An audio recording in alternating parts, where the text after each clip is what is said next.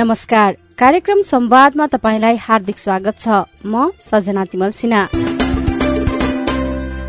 कार्यक्रम संवाद सामुदायिक रेडियो प्रसारक संघ अखुराबद्वारा संचालित सामुदायिक सूचना नेटवर्क सीआईएन मार्फत देशभरि प्रसारणमा रहेका करिब तीन सय सामुदायिक रेडियोबाट सुन्न सकिन्छ।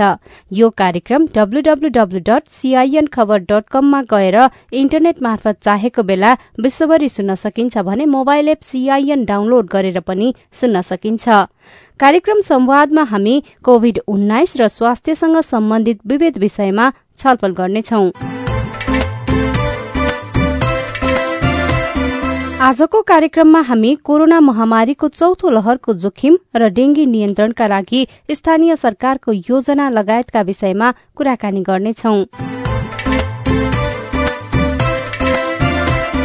नेपालमा साउन लागेदेखि नै कोरोना संक्रमणको दर बढ़दै गएको छ भने दैनिक एकदेखि तीनजनासम्मको मृत्यु पनि भइरहेको छ। कोरोना संक्रमित थपिने सबैभन्दा धेरै भारतसँगको सिमानाका जोडिएका जिल्लामा बढ़ी छन्। त्यसकारण पनि ती जिल्लामा जनस्वास्थ्यका मापदण्ड कड़ाईका साथ पालना गर्न आवश्यक छ।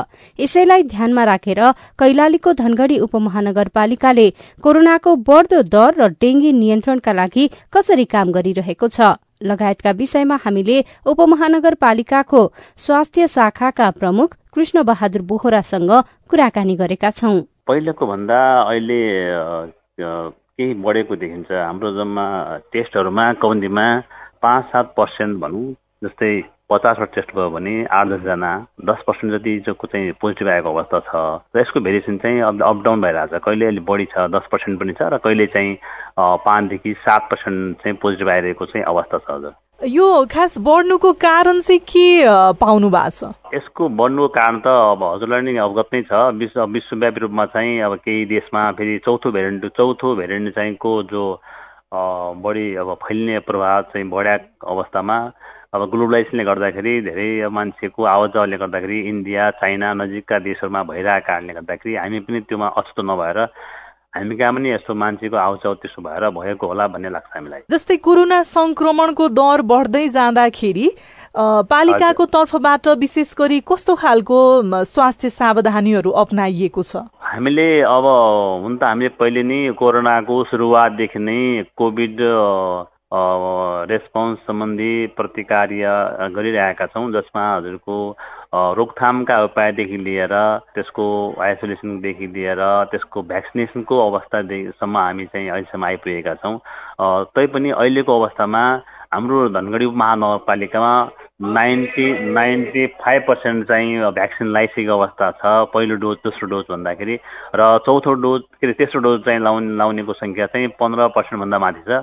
त्यो चाहिँ हामी चाहिँ भ्याक्सिनमा भ्याक्सिनेसनमा चाहिँ धेरै करिब कभरेज चाहिँ पुगेका छौँ भने अर्को कुरा हजुरको अब अहिलेको जुन देखिरहेछ त्यो त्योमा चाहिँ हाम्रो बोर्डरमा मेन त इन्ट्री पोइन्टलाई हामीले विशेष फोकस गरेका छौँ। इन्ट्री पोइन्टमा हाम्रो चाहिँ त्यहाँ राखेका छौँ। त्यहाँ चाहिँ स्क्रिनिङ गर्ने हाम्रो कम्तीमा त्यो पोइन्टमा हाम्रो सबभन्दा ठुलो इन्ट्री पोइन्ट भनेको धनगढी महानगरपालिकाको त्रिनगर गौरीफुन्टा इन्ट्री पोइन्ट हो। त्यहाँ हामीसँग करिब करिब करिब पच्चिस तिसजना चाहिँ स्वास्थ्य कर्मीको टिमले त्यहाँ स्क्रिनिङ गरिरहेको अवस्था छ भने। यसको साथै त्यहाँ चाहिँ एन त्यो टेस्ट पनि हुन्छ। त्यसपछि हाम्रो चाहिँ पिसिआर टेस्ट हाम्रो आफ्नै उप महानगरपालिकामा भइरहेछ र यसको साथसाथै हाम्रो विभिन्न सङ्घ संस्था विभिन्न जाति निकायसँग सहकार्य गरेर चाहिँ गाउँमा आमा समूहमा टोल समूहमा र सङ्घ संस्थामा विद्यालयमा चाहिँ त्यस प्रकारको चाहिँ प्रचार प्रसार त्यसको चाहिँ सूचनाहरू दिइरहेको अवस्था छ। धनगढी उपमहानगरपालिकामा झण्डै नब्बे प्रतिशतले पहिलो र दोस्रो मात्रा कोरोना विरुद्धको खोप लगाइसकेको भनेर भन्दै गर्दाखेरि झण्डै पैंतिस प्रतिशतले दोस्रो मात्रा लगाएको भनेर जानकारी दिनुभयो। खासमा यो बुस्टर मात्रा लगाउनलाई थप मान्छेहरूलाई प्रेरित गर्ने यो खोप पनि हाम्रै सुरक्षाको लागि हो भनेर जनचेतना फैलाउनको लागि पालिकाको तर्फबाट के कस्तो खालको अहिले कार्यक्रमहरू भइराखेको छ? अहिले हामीले बुस्टरको लागि एउटा सेड्युल बनाएका छौँ। घर घरमै पनि अपाङ्गहरूलाई हामीले भेकलमै घर घरमै पनि गएर लगाएको अवस्था पनि छ। र बुस्टरमा धेरै मान्छेले चाहिँ अब लगाइरहेको छ तर त्यसको हामीसँग अपडेट रेकर्डहरू आएको छ। तर पनि जो बुस्टर दुई लगाइसकेको र तेस्रो जस्तै भेरोसिल धेरै लगाइरहेका अवस्था छन्। बुस्टरको जो अर्को भेरोसिल सट्टा लाउने चाहिँ कोभिसिल्डहरू हुन्छ वा फाइजर हुन्छ वा मोडर्ना हुन्छ त्यो भ्याक्सिन चाहिँ अभाव पनि हुन्छ कुनै बेलामा। त्यसले गर्दा नपाएको हुनसक्छ एउटा कारण त। अरू कारण चाहिँ अब जो बच्चालाई ल्याइरहेको छ हामीले बच्चाको ठुलो सङ्ख्या लगायौँ एघारदेखि अठार र पाँचदेखि एघार लगायौँ तिनीहरूले चाहिँ दोस्रो डोज मात्र लागेको कारणले गर्दा तिनीहरूको भोस्टर डोजको लाउने बेला भार नभएर त्यो कम भएको हुनसक्छ हजुर। विशेष गरी सुदूरपश्चिम प्रदेश यसै पनि भारतसँगको सिमानाका जोडिएका कारण पनि जहिले कोरोना संक्रमणको उच्च जोखिममा रहँदै आएको छ होइन? अहिले पनि फेरि पछिल्लो समय कोरोना संक्रमणको संख्या बढ्दै गएको भनेर स्वास्थ्य निर्देशनालयले भनेको छ होइन? त्यस बाहेक चाहिँ तपाईँहरूलाई विशेष गरी अरू कुन कुन माध्यमबाट चाहिँ कोरोना संक्रमणको जोखिम बढ्दै गएको पाउनुहुन्छ भनेको जाँच नै नगराएर पनि मान्छेहरू घरमा बस्दिने त्यसले गर्दा पनि संक्रमणको अवस्था बढेको हो कि होइन? एकदम हजुरले सही कुरा उठाउनु भयो अहिले चाहिँ जो कोरोना मेन इन्ट्री पोइन्ट त अब आउट ठाउँबाट आयात गरिएका केसहरू त छँदै नै भइहाल्यो नि अति भइहाल्यो नि हाले। तर अर्को कुरा जो हजुरले भन्नुभयो जो चाहिँ अहिले चाहिँ यो प्राय हाम्रो यो मौसम परिवर्तनको कारणले पनि एक खालको भाइरल अथवा सिजनल फ्लूहरू देखिन्छ। त्यो सिजनल फ्लूको बिरामीहरू अधिकांश बिरामी बिरामीहरूलाई चेक गर्दाखेरि कोभिड चाहिँ पोजिटिभ देखेको अवस्था छ। र यो कोभिड हो सामान्य देखाए पोजिटिभ हुने हो। अब भनेर कोही मान्छे त्यसलाई अलिकति इग्नोर गरेर पनि न चेक नगरे अवस्था छ भने कसैले चाहिँ यो सामान्य खालको रुगा खोक्यो दुई दिनमा आफै निको भइहाल्छ। भन्ने हिसाबले पनि नचेक नगरेका कारणले गर्दा पनि हो। तर अहिले जति चेक गरिएका छन् अधिकांशलाई चाहिँ चेक गरेकालाई पोजिटिभ नै देखिएको चाहिँ अवस्था छ। तर मान्छेले चाहिँ धेरैले त्यति अब पचाइसकेको भनौँ यसलाई खाले भन्दा गर्दा पचाइसकेको अवस्था पनि देखिन्छ त्यस बाहेक भनेको कोरोना संक्रमणको जुन अहिले स्थितिमा वा जुन गतिमा संक्रमण दर बढ्दै गएको छ नि संख्या विशेष गरी त्यसलाई चाहिँ विज्ञहरूले यो चौथो लहर हो भन्दैछन् होइन? तर सरकारले भने अझै पनि यो विषयलाई लिएर औपचारिक घोषणा गरिसकेको छैन कि यो चौथो लहर हो भनेर होइन? तपाईँहरूलाई चाहिँ कस्तो खालको छ भनेको यही गतिमा यदि संक्रमण बढ्दै गयो भने चौथो लहर हो र पालिका चाहिँ यसको लागि पूर्ण रूपमा तयारी अवस्थामा छ कि छैन? यसरी अब इपिडेमियोलोजिकल हिसाबले हेर्ने हो भने यो चौथो लहर नै हुनसक्छ म्याम किन भन्दाखेरि यो केसहरू चाहिँ रेसियो बढिरहेको अवस्था पनि छ। सावधानी अपनाउँदा अपनाउँदा पनि केसहरू बढिरहेको अवस्था छ। यो चाहिँ अब अरू देशको सिनारी हेर्दाखेरि पनि चौथो लहरको चाहिँ कता कता सङ्केत आएको चाहिँ देखिन्छ। तर पनि धनगढी उपमहानगरपालिका यसको लागि चाहिँ सक्षम छ लाग्छ। किनकि हामीले जति पहिला केही कुरा हामीले गऱ्यौँ त्यो एउटा हाम्रो लागि लेसन लर्न भएको छ। त्यो लेसनले गर्दाखेरि अबको दिनमा के जे पहिला भए गल्तीलाई सुधार गर्दै के कस्तो नयाँ खालका टेक्नोलोजीहरू अप्नाउन सकिन्छ नयाँ भनौँ आइडिया योजना अनुसारको जाने हाम्रो योजना छ जस्तै हाम्रो अरू संस्थाहरूसँग सहकार्य गरेर र अरू खालका अब अस्पतालका पहिला पनि हामीसँग अक्सिजनको त यहाँलाई थाहा नै छ अक्सिजन प्लान्टहरू थिएन। अहिले अक्सिजन प्लान्ट जथार्थ भइसकेको भइरहेका अवस्था धेरै अस्पतालहरू अक्सिजन प्लान्टमा इन्डिपेन्डेन्ट छन्। अरू खालका पनि मान्छेको चाहिँ हाम्रो आइसोलेसन सेन्टर कम्तीमा हाम्रो एक हजार बेडको हाम्रो आफ्नै आइसोलेसन सेन्टर हाम्रो धनगढी उपमहानगर वार्ड नम्बर तिनमा चाहिँ निर्माण निर्माण सकिएको अवस्थामा छ सञ्चालन भइसकेको अवस्था छैन। यसरी चाहिँ हामीले पहिला जो निर्माणका कार्य पनि जो थिएनन् केही हामीसँग पूर्वाधार थिएनन् त्यो पूर्वाधार पनि बनिसकेको अवस्थाले गर्दाखेरि हामी चाहिँ अब भौतिक हिसाबले उपकरण हिसाबले केही चाहिँ हामी सशक्त छौँ जस्तो मलाई लाग्छ अहिलेको जुन अवस्था छ डेङ्गी संक्रमणको दर पनि बढ्दै गएको छ होइन? यो पनि भनेको संक्रामक र सरुवा रोग नै हो। यसबाट जोगिनको लागि चाहिँ पालिकाले अहिले पछिल्लो समय कस्तो खालको पूर्व तयारी गरेको छ? एकदम सही कुरा उठाउनु अहिले चाहिँ डेङ्गीको चाहिँ अब यो बेला बर्खाको बेलामा सामान्य अब डेङ्गी भनेको जेन्टल मस्किटो भन्छ। यो सामान्य सफा पानीमा बस्ने भए के अरे लामखुट्टे भएको कारणले गर्दाखेरि र दिउँसो टोक्ने लामखुट्टे भएको गर्दाखेरि मान्छे चाहिँ एकदमै चाँडै नै सङ्क्रमित हुने गर्छ। यसले गर्दाखेरि अहिले हामीले यसलाई अभियानिक रूपमा चाहिँ धेरै आमा समूहमा महिला स्वास्थ्य स्वयंसेविकाहरूमा र स्वास्थ्य संस्थामा एक प्रकारको चाहिँ परिपत्र अभियान जारी गरेर यो लार्भा नष्ट गर्ने यस्तो पानीका जो स्रोत जमेका स्रोतलाई हटाउने त्यस्तो खालको अभियान गरेका छौँ। यसमा नेपाल सरकारको पनि आफ्नै खालको पोलिसी छ र हाम्रो स्थानीय सरकारको पनि यसपछि जहाँ जहाँ यस्ता खालका पानी जम्ने र यस्ता सोर्सहरू छन् त्यसलाई नष्ट गर्ने हाम्रो चाहिँ अभियान छ। भनेपछि सङ्घ सरकारले लिएको जुन लक्ष्य छ यो डेङ्गुबाट जोगिनको लागि खोज र नष्ट गर त्यसै अभियानलाई र त्यही लक्ष्यलाई तपाईँहरूले पनि निरन्तरता दिइरहनु भएको छ। निरन्तरता दिएका छौँ। पालिकाले बजेट पनि सार्वजनिक गरिसकेको छ नयाँ आर्थिक आर्थिक वर्षको अब साउन महिना पनि बितेर भदौ लागिसकेको अवस्था छ होइन? स्वास्थ्यसँग सम्बन्धित बजेटहरूलाई कसरी कार्यान्वयनमा लिएर जाने प्रभावकारी रूपमा कसरी त्यसलाई काम गर्ने भन्ने विषयमा चाहिँ के भइराखेको छ? त्यसको लागि हजुर हामीले जो बजेट आएको छ त्यसलाई प्रभावका रूपमा सही शत प्रतिशत कार्यान्वयनको लागि हामीले एउटा नयाँ अभियान चालेका छौँ यसपाला।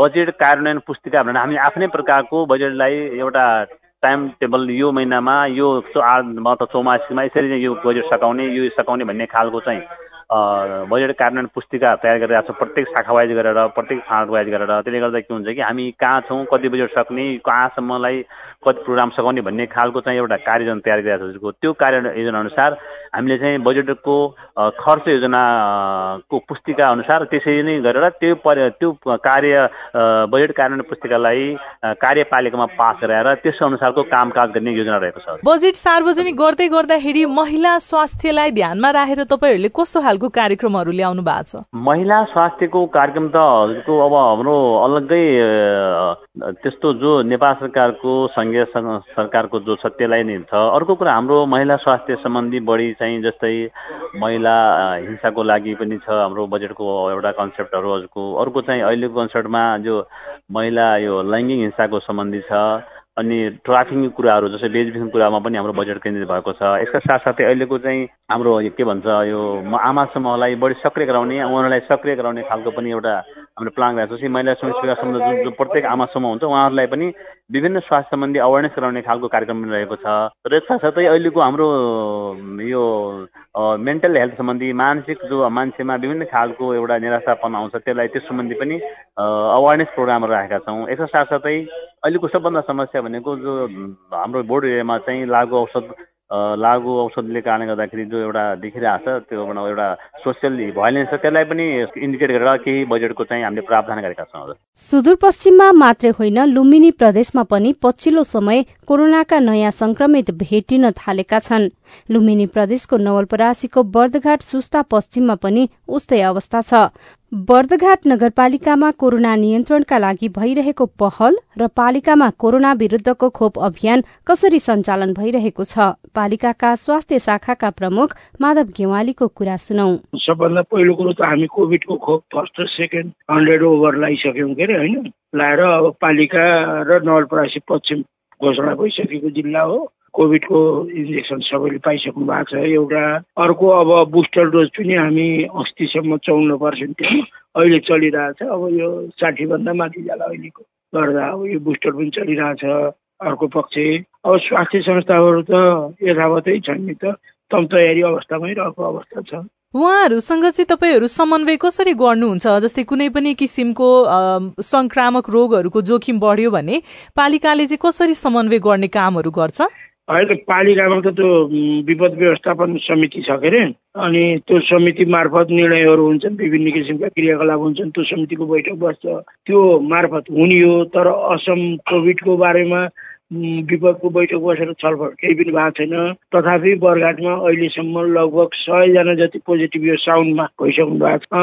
अब हामी अर्को महत्त्वपूर्ण कुरा भनेको टेस्टको दायरालाई असाध्यै बढाएका छौँ। हाम्रा दुईवटा केन्द्रबाट दैनिक रूपमा टेस्ट भएका भइछन् यो नलपरासीको सायद एक दुईवटा पालिकामा पनि छैन होला हामी मात्रै हौँ। यसरी टेस्टलाई पनि बढाइएको छ र साथीहरूलाई अब सजग रहने उहाँहरूसित फोन सम्पर्क गरिरहने उहाँहरूलाई समस्या परवने एम्बुलेन्सको व्यवस्थापन गर्ने यिनी कुराहरू भइरहेको जस्तै संक्रमणको अवस्था बढ्दै गएको छ भनेर भन्नुभयो होइन?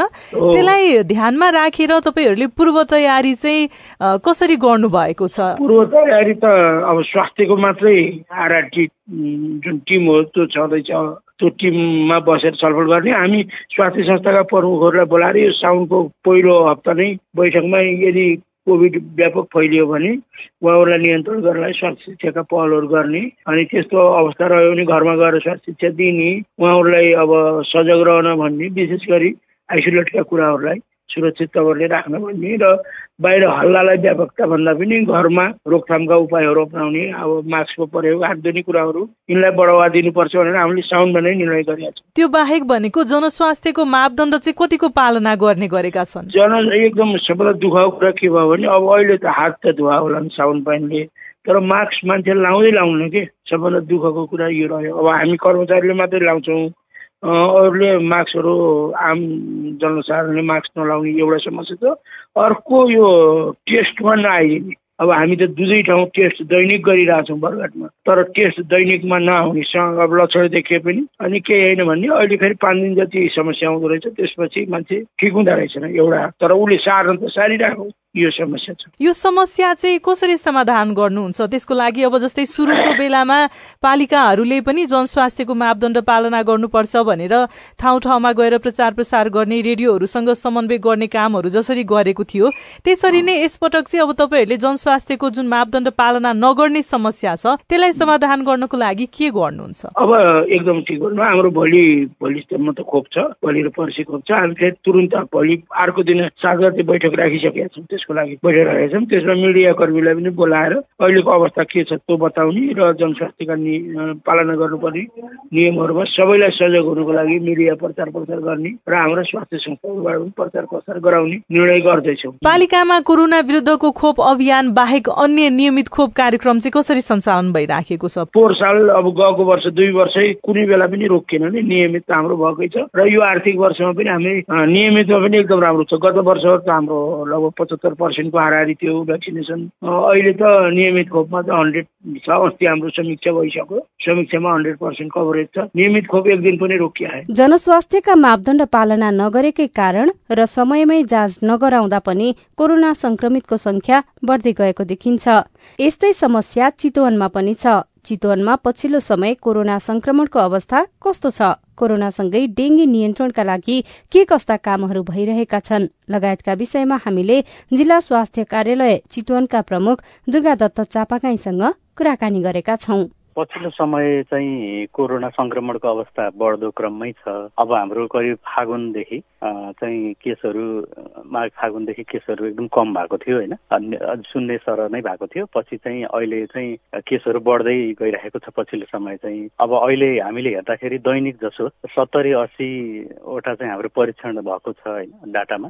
त्यसमा चाहिँ बिस पच्चिस पर्सेन्ट अठार बिस पर्सेन्ट यस्तै चाहिँ पोजिटिभिटी अहिले आइरहेको अवस्था छ। यसले हेर्दाखेरि चाहिँ केसहरू चाहिँ बढ्दो छ। तर अब समुद्रमा केस बढे पनि त्यस्तो गम्भीर प्रकारको जटिल प्रकारको अवस्थाहरू चाहिँ त्यति भेटिएको छैन। कोरोना संक्रमणको संख्या बढ्दै गर्दाखेरि जिल्लाभित्र भएका पालिकाहरूसँग कसरी समन्वय गरिरहनु भएको छ जोखिम न्यूनीकरणको विषयमा? अब अहिले चाहिँ हामी सबै पालिकाहरूसँग समन्वयमा छौँ। पहिला त हामीले चाहिँ जिल्ला स्तरमा हाम्रो ऱ्यापिड रेस्पोन्स टिम भन्ने छ एउटा। अब यो अलिकति यो आउटब्रेक अलिकति ठुलो भयो समस्या भयो भने मोबिलाइज हुने टिम छ। त्यो टिमलाई चाहिँ हामीले चाहिँ अस्तिको तिन दिन अगाडि मात्रै हामीले यो ऱ्यापिड रेस्पोन्स टिमको जिल्ला स्तरीय मिटिङ पनि बसेका थियौँ। त्यसमा चाहिँ हाम्रो विभिन्न अस्पतालहरूको डाक्टर साहबहरू लगायत अब रेड क्रस लगायत विभिन्न सामाजिक सङ्घ संस्था सबैको प्रतिनिधित्व गर्ने एउटा टिम छ। त्यो टिमको बैठक बसेर हामीले चाहिँ पूर्व तयारी योजना हामीले बनाएका छौँ। र त्यसमा चाहिँ हामीलाई कहीँ त्यस्तो केसहरू बढिहाल्यो भने आवश्यक पर्ने अत्यावश्यक सामग्रीहरू औषधिहरू अपडेट छ कि छैन भनेर त्यो अपडेट गर्न लगाउने। त्यसको लागि चाहिँ हामीले स्थानीय तहहरूलाई पनि अनुरोध गरेका छौँ। त्यहाँ आवश्यक पर्ने कोभिडको लागि रोकथाम र नियन्त्रणको लागि आवश्यक पर्ने स्वास्थ्य सामग्रीहरूको अवस्था तयारी अवस्थामा राख्ने। त्यसै गरेर अहिले हामीले अब पछिल्लो समय हामीसँग अक्सिजनहरूको पर्याप्त उपलब्धता अक्सिजन सिलिन्डरहरू अक्सिजन प्लान्टहरू पनि छ। त्यसले गर्दा अक्सिजनको त्यति अभाव हुने अवस्था छैन। तैपनि हामीले केही अक्सिजन कन्सन्ट्रेटरहरू चाहिँ थप आवश्यक पर्न सक्छ भनेर हामीले स्थानीय तहहरूमा पठाएका पनि छौँ। त्यसै गरेर अब यसमा मुख्य कुरा चाहिँ के छ भने यो त रोकथाममै अहिले हामीले जोड दिनुपर्ने यसमा रोकथामको उपायहरू अहिले लगभग सबैलाई थाहा पनि छ तर त्यो चाहिँ बिस्तारै कोभिडको सङ्क्रमण घट्दै गएको क्रममा बिस्तारै मान्छेहरूले त्यसलाई अलि अप्नाउन छोडेको जस्तो महसुस भइरहेको थियो। त्यसलाई चाहिँ पुनः चाहिँ हामीले चाहिँ जागृत गराएर यो कोभिड सर्नेबाट बच्नको लागि चाहिँ दूरी कायम गर्ने मास्कको अनिवार्य प्रयोग गर्ने सकेसम्म भिडभाड नगर्ने भिडभाडमा जानु पर्यो भने दूरी कायम गरेर मास्क लगाउने र हातको सरसफाइ गर्ने लगायतका चाहिँ कोभिडबाट बच्ने उपायहरूको बारेमा चाहिँ सचेतना फैलाउनको लागि हामीले सबै पालिकाहरूसँग अनुरोध पनि गरेका छौँ हामीले जिल्लाबाट पनि अनुरोध गरेका छौँ र यसको लागि हामीले केही सामग्रीहरू बफर स्टकको रूपमा राखेका पनि छौँ जिल्लामा। अत्यावश्यक पर्ने सामग्रीहरू कहीँ त्यस्तो आवश्यक पर्यो थप हामीले यहाँबाट गर्नु पर्यो भनेदेखि त्यसको लागि। त्यसै गरेर अहिले चाहिँ अब अहिले भरतपुर अस्पतालमा आइसोलेसन अहिले पनि सञ्चालित नै छ तर अहिले धेरै केसहरू हस्पिटलाइज गर्नुपर्ने अवस्था नभएको हुनाले अहिले हामीले आइसोलेसनको क्षमता त्यति धेरै अहिले डिमान्ड भएको छैन। आवश्यक परेको अवस्थामा चाहिँ पहिले जस्तै गरेर हामीले अन्य अस्पतालहरूमा पनि आइसोलेसन वार्ड छुट्याएर चाहिँ व्यवस्थापन गर्नको लागि चाहिँ गर्नलाई हामीले तयारी अवस्थामै छौँ। उहाँहरूसँग पनि हामी समन्वयमा छौँ। अब अहिले केस नबढेको हुनाले अहिले चाहिँ केसहरू भरतपुर अस्पतालमा हुनुहुन्छ। धेरै हुनुहुन्न। आठ दसजना केसहरू सात आठजना यस्तै दैनिक आउनुहुन्छ बस्नुहुन्छ। त्यसमा पनि त्यस्तो गम्भीर प्रकारको हुनुहुन्न। त्यसले गर्दा अहिले हामीले वार्डको पनि त्यति समस्या छैन व्यवस्थितै छ। र परीक्षणको लागि चाहिँ हामीले स्थानीय तहहरूमा परीक्षणको लागि एन्टिजेन किटहरू हामीले सप्लाई गरेका छौँ। अहिले पनि पछिल्लो समय पनि हामीले पठाइराखेका छौँ। र मलाई लाग्छ अहिले परीक्षणको लागि किटको अभाव त्यति छैन होला। र जिल्लामा चाहिँ हाम्रो चार ठाउँमा अहिले पनि पिसिआर टेस्ट भइरहेको छ। र अहिले विशेष गरेर भरतपुर अस्पतालमा बढी केसहरू चाहिँ परीक्षण गर्न आएको देखिन्छ। त्यसले गर्दाखेरि हामीले चाहिँ यो रोकथाम र व्यवस्थापनको लागि चाहिँ तयारी अवस्थामा नै रहेका छौँ। त्यो बाहेक भनेको तपाईँले अघि भन्दै हुनुहुन्थ्यो कि जनस्वास्थ्यका विशेष गरी हामीले कोरोना संक्रमणबाट जोगिनको लागि अप्नाउनु पर्ने भनेको जनस्वास्थ्यका मापदण्ड हुन् होइन? तर पछिल्लो समय विशेष गरी ओमिक्रोन भेरिएन्टको तेस्रो लहर जब साम्य हुँदै गयो त्यति बेला चाहिँ अब मान्छेहरू बिस्तारै कोरोना होइन हामीले खोप पनि लगाइसक्यौँ। भनेर जनस्वास्थ्यका मापदण्ड पालना नगरेको पनि पाइयो होइन? यो चाहिँ कतिको चुनौतीको विषय देख्नु भएको छ तपाईँले? जनस्वास्थ्यका मापदण्ड पालना गराउनु पर्छ गर्नुपर्छ भन्ने कुरा नागरिकलाई बुझाउन अझै पनि चुनौती छ? या अब चाहिँ एकचोटि भनेपछि बुझ्ने खालको देख्नु भएको छ? अब यो जनस्वास्थ्यको मापदण्डको पालना नै सबैभन्दा उपयुक्त चाहिँ विधि हो यो रोकथामको लागि। अब हुन त हामीले खोप पनि भन्नुभयो अघि मैले भन्न छुट्याएँ खोप पनि हामीले चाहिँ लगभग धेरै नागरिकले लगाइसक्नु भएको छ। हामी छुटेकाहरूलाई चाहिँ हामी साप्ताहिक रूपमा बुस्टर डोज अथवा फर्स्ट र सेकेन्ड डोज पनि कोही छुटेको छ भने उहाँहरूलाई हामी नियमित रूपमा दिइरहेका छौँ। तर जनस्वास्थ्यको मापदण्ड ज्यादै महत्त्वपूर्ण कुरा हो। अब विगतमा चाहिँ अलिकति यो कोरोनाको केसहरू घटेपछि स्वाभाविक रूपले मान्छेहरूले अब दैनिक जीवनचर्यामा फर्किनु भयो र त्यसमा चाहिँ मापदण्डहरू पालनाको कुरा पनि क्रमशः चाहिँ अलि छोड्दै गएको जस्तो महसुस भएको छ। र यसलाई चाहिँ यो जनस्वास्थ्यको मापदण्ड चाहिँ अहिले मात्रै होइन। किनभने यसले त हामीले चाहिँ विगतमा धेरै अन्य रोगहरूबाट पनि यो मापदण्ड अपनाउँदाखेरि अरू रोगहरूको प्रकोप पनि घटेको छ। र यो सधैँभरि अपनाउनु पर्ने कुरा हो। र हामीले चाहिँ हाम्रो एउटा हरेक क्रियाकलापहरू गर्दाखेरि हाम्रो चाहिँ अब हाम्रा हरेक क्रियाकलापहरू त अहिले स्थगित गर्न सक्ने अवस्थामा छैनौँ। हिजो जस्तो लकडाउनमा जान सक्ने अवस्थामा छैनौँ। तर चाहिँ हामीले हरेक काम गर्दाखेरि चाहिँ मापदण्ड चाहिँ अनिवार्य रूपमा पालना गर्नुपर्ने हुन्छ। र यो चाहिँ अब अहिले हजुरको मार्फत पनि म आम जनसमुदायहरूमा अनुरोध गर्न चाहन्छु। हामी सबै सरकारवाला निकायहरूलाई पनि अनुरोध गर्न चाहन्छु। यसलाई चाहिँ अलिकति जोड दिनको लागि यो क्षेत्रमा चाहिँ अलिकति यहाँहरूले पनि जनचेतना फैलाउनको लागि सहयोग गरिदिनु हुनको लागि जनस्वास्थ्यको मापदण्ड चाहिँ एउटा अपरिहार्य कुरा हो। सबैजनाले चाहिँ यो अप्नाउनुपर्छ। त्यसले गर्दाखेरि स्वाभाविक रूपले चाहिँ संक्रमण चाहिँ रोकथाम गर्नलाई चाहिँ एकदमै ठुलो सहयोग पुग्नेछ। कोरोना बाहेक भनेको अहिले पछिल्लो समय डेङ्गी संक्रमणको कुराहरू पनि छ होइन? चितवनमा पनि कोरोना सँगसँगै डेङ्गीको बिरामीहरू पनि फेला परिराखेको भनेर हामीले रिपोर्टिङ गर्दाखेरि थाहा पाएका छौँ होइन? डेङ्गी संक्रमणको अवस्था के छ अहिले पछिल्लो समय चितवनमा? त्यसलाई नियन्त्रण गर्नको लागि तपाईँहरूले कस्तो खालको कामहरू क्रियाकलापहरू गरिरहनु भएको छ? डेङ्गीको पनि अहिले चाहिँ यो सिजन हो डेङ्गीको विशेष गरेर वर्षामा वर्षात पश्चात चाहिँ लामखुट्टेहरूको वृद्धि विकास अत्याधिक रूपमा हुने र त्यो बेलामा चाहिँ डेङ्गी फैलिने विगत वर्षका अनुभवहरूबाट पनि हामीले हामीलाई त्यो जानकारी छ। त्यसले गर्दाखेरि अहिले चाहिँ हामीले डेङ्गीको प्रकोप अब केसहरूको कुरा गर्दाखेरि चाहिँ अहिले चाहिँ फाटाफुट्टा रूपमा आइरहेको छ। त्यो कुनै ठाउँमा केन्द्रीकृत भएर एउटा ठुलो प्रकोपको रूपमा त आइसकेको छैन चितवन जिल्लामा। तर सबै ठाउँमा फाटाफुट्टा फाटाफुट्टा केसहरू चाहिँ देखिएको छ। अब केसहरू फाटाफुट्टा देखिनु भन्नुको मतलब ती केसहरूबाट अरू व्यक्तिहरूमा सर्दै फैलिँदै जान सक्ने सम्भावना चाहिँ छ।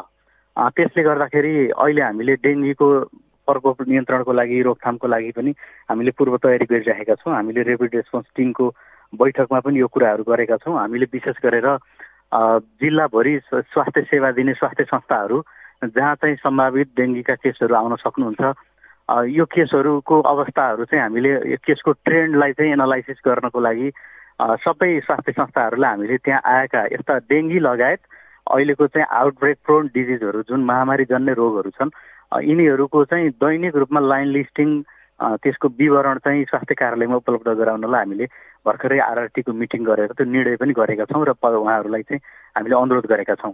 त्यसले चाहिँ हाम्रो एउटा ट्रेन्ड थाहा हुन्छ कुन रोग बढ्दैछ कुन ठाउँमा बढ्दैछ त्यसको लागि व्यवस्थापन गर्न के गर्नुपर्छ।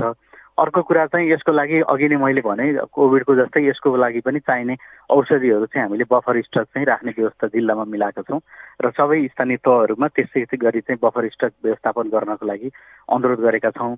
अब अर्को चाहिँ यसको टेस्टिङको लागि अब अहिले ज्वरोजन्य रोगहरू अरू पनि लाग्छन् त्यसले गर्दा डेङ्गी नै फैलिएको हो कि के हो भनेर परीक्षण गर्न पनि आवश्यक हुन्छ।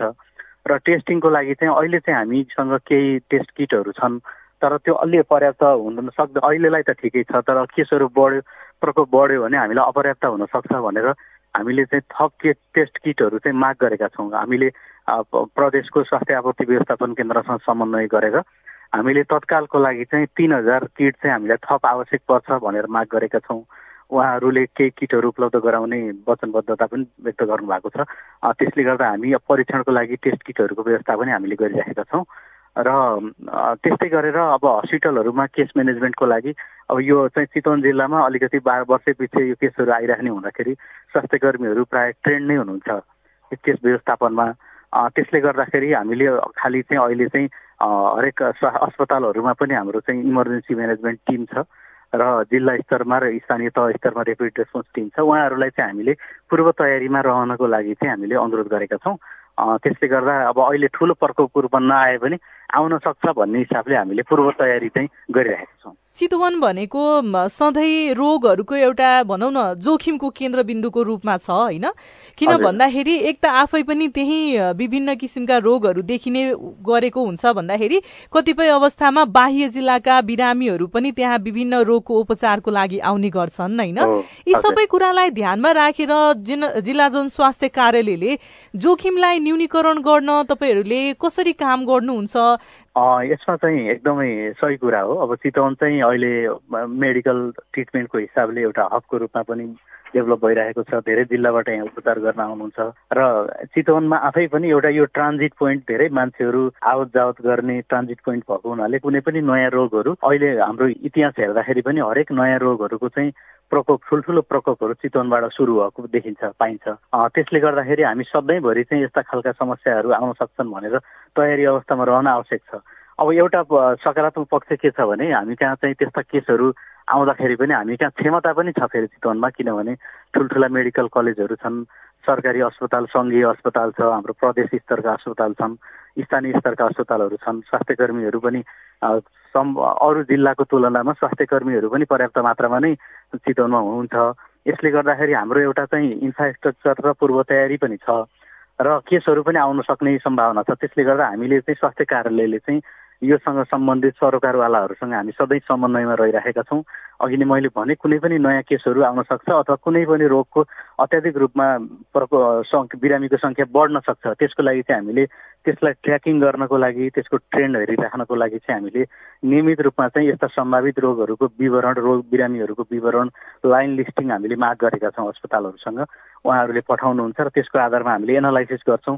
कुनै पनि किसिमको कुनै रोगको प्रकोप बढेको देखियो कुनै सर्टेन एरियामा बढेको देखियो अथवा कुनै सर्टेन हस्पिटलमा यस्ता खालका बिरामीहरू देखियो भने हामीसँग चाहिँ हाम्रो चाहिँ टिमलाई चाहिँ हामी इमिडिएट मोबिलाइज गर्छौँ र अब हामीले जिल्लाको आफ्नो क्षमताले हामीले गर्छौँ। यदि अब हाम्रो क्षमताले भ्याएन भने हामी थप चाहिँ सहयोगको लागि प्रदेश र सङ्घीय सरकारसँग पनि अनुरोध गरेर हामी थप सहयोग मागेर गर्छौँ। त्यसले गर्दा अहिले चाहिँ हामीले पूर्व तयारी अवस्थामा चाहिँ छौँ। कुनै पनि त्यस्तो प्रकोप बढ्यो भने हामी त्यसलाई व्यवस्थापन गर्नलाई तयारी अवस्थामा बसेका छौँ।